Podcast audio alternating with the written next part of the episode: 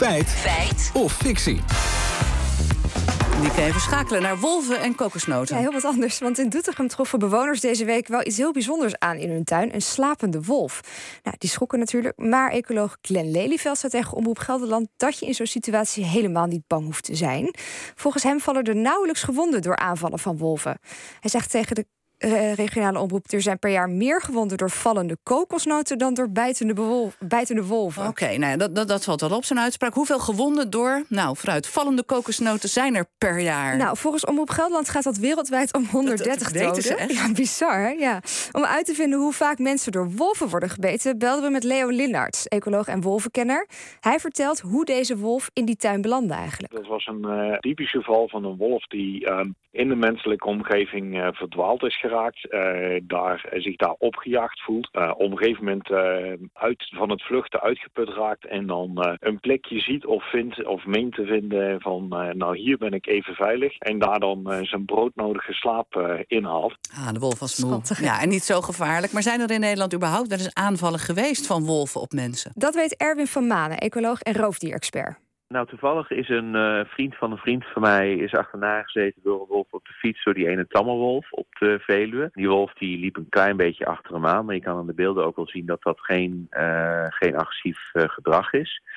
Als een wolf echt wil, dan gaat hij heel hard rennen en dan bijt hij iemand in zijn broek op de fiets. Maar dat is eigenlijk nog nooit gebeurd. Ja, we hebben een hele relaxte wolf hier in Nederland. In ieder geval een beetje tam of een beetje moe. Maar hier niet dus, wel in andere landen. Ja, het gebeurt wel, maar volgens Van Manen zijn het echt incidenten. Als je het wereldwijd bekijkt, gaat het misschien om, uh, nou, ik denk dat het misschien om een stuk of dertig gevallen gaat in de laatste tien jaar. En wanneer was het voor het laatst? Een jaar of drie geleden. Maar in Polen uh, schijnen een, een, paar kinderen, geloof ik, uit mijn hoofd, schijnen gebeten te zijn, lichtelijk gebeten te zijn door, uh, door een wolf, omdat ze ja, waarschijnlijk mensen met voedsel associeerden.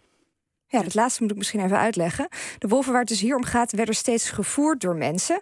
En daarom zijn die wolven eten en mensen met elkaar gaan associëren. Oké, heel soms gebeurt het dus. Maar wat als we deze incidenten dan vergelijken met het aantal... komt weer gewonden door vallende kokosnoten? Daarover zegt Leo Linnards dit denk ten eerste van oei, ik weet weinig van kokosnoten af, maar ik had begrepen dat er iets van 130 gewonden per, uh, per jaar zouden vallen. Ja, dat is dus aanzienlijk meer dan de door wolven vallen. Wolf bungelt ergens onderaan uh, de gevarenlijst die mensen tegenkomt in zijn leven.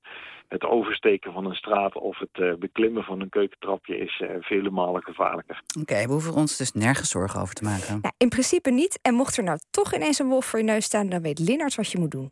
Eigenlijk moet je met een wilde wolf net zo omgaan als met een, uh, een, een, hond die niet al te vriendelijk aankijkt. Ja, toch proberen langzaam afstand te nemen en in ja, desnoods een steen oprapen naar die wolf gooien als het nodig is. Oké, okay, goed. Uh, we voelen hem al aankomen. Maar goed, uh, uh, zorgen vallende kokosnoten voor meer gewonden per jaar dan bijtende wolven? Nou, er vallen per jaar 130 gewonden door vallende kokosnoten wereldwijd. De afgelopen 10 jaar zijn er ongeveer 30 mensen aangevallen door een wolf. Een stuk minder, dus een feit.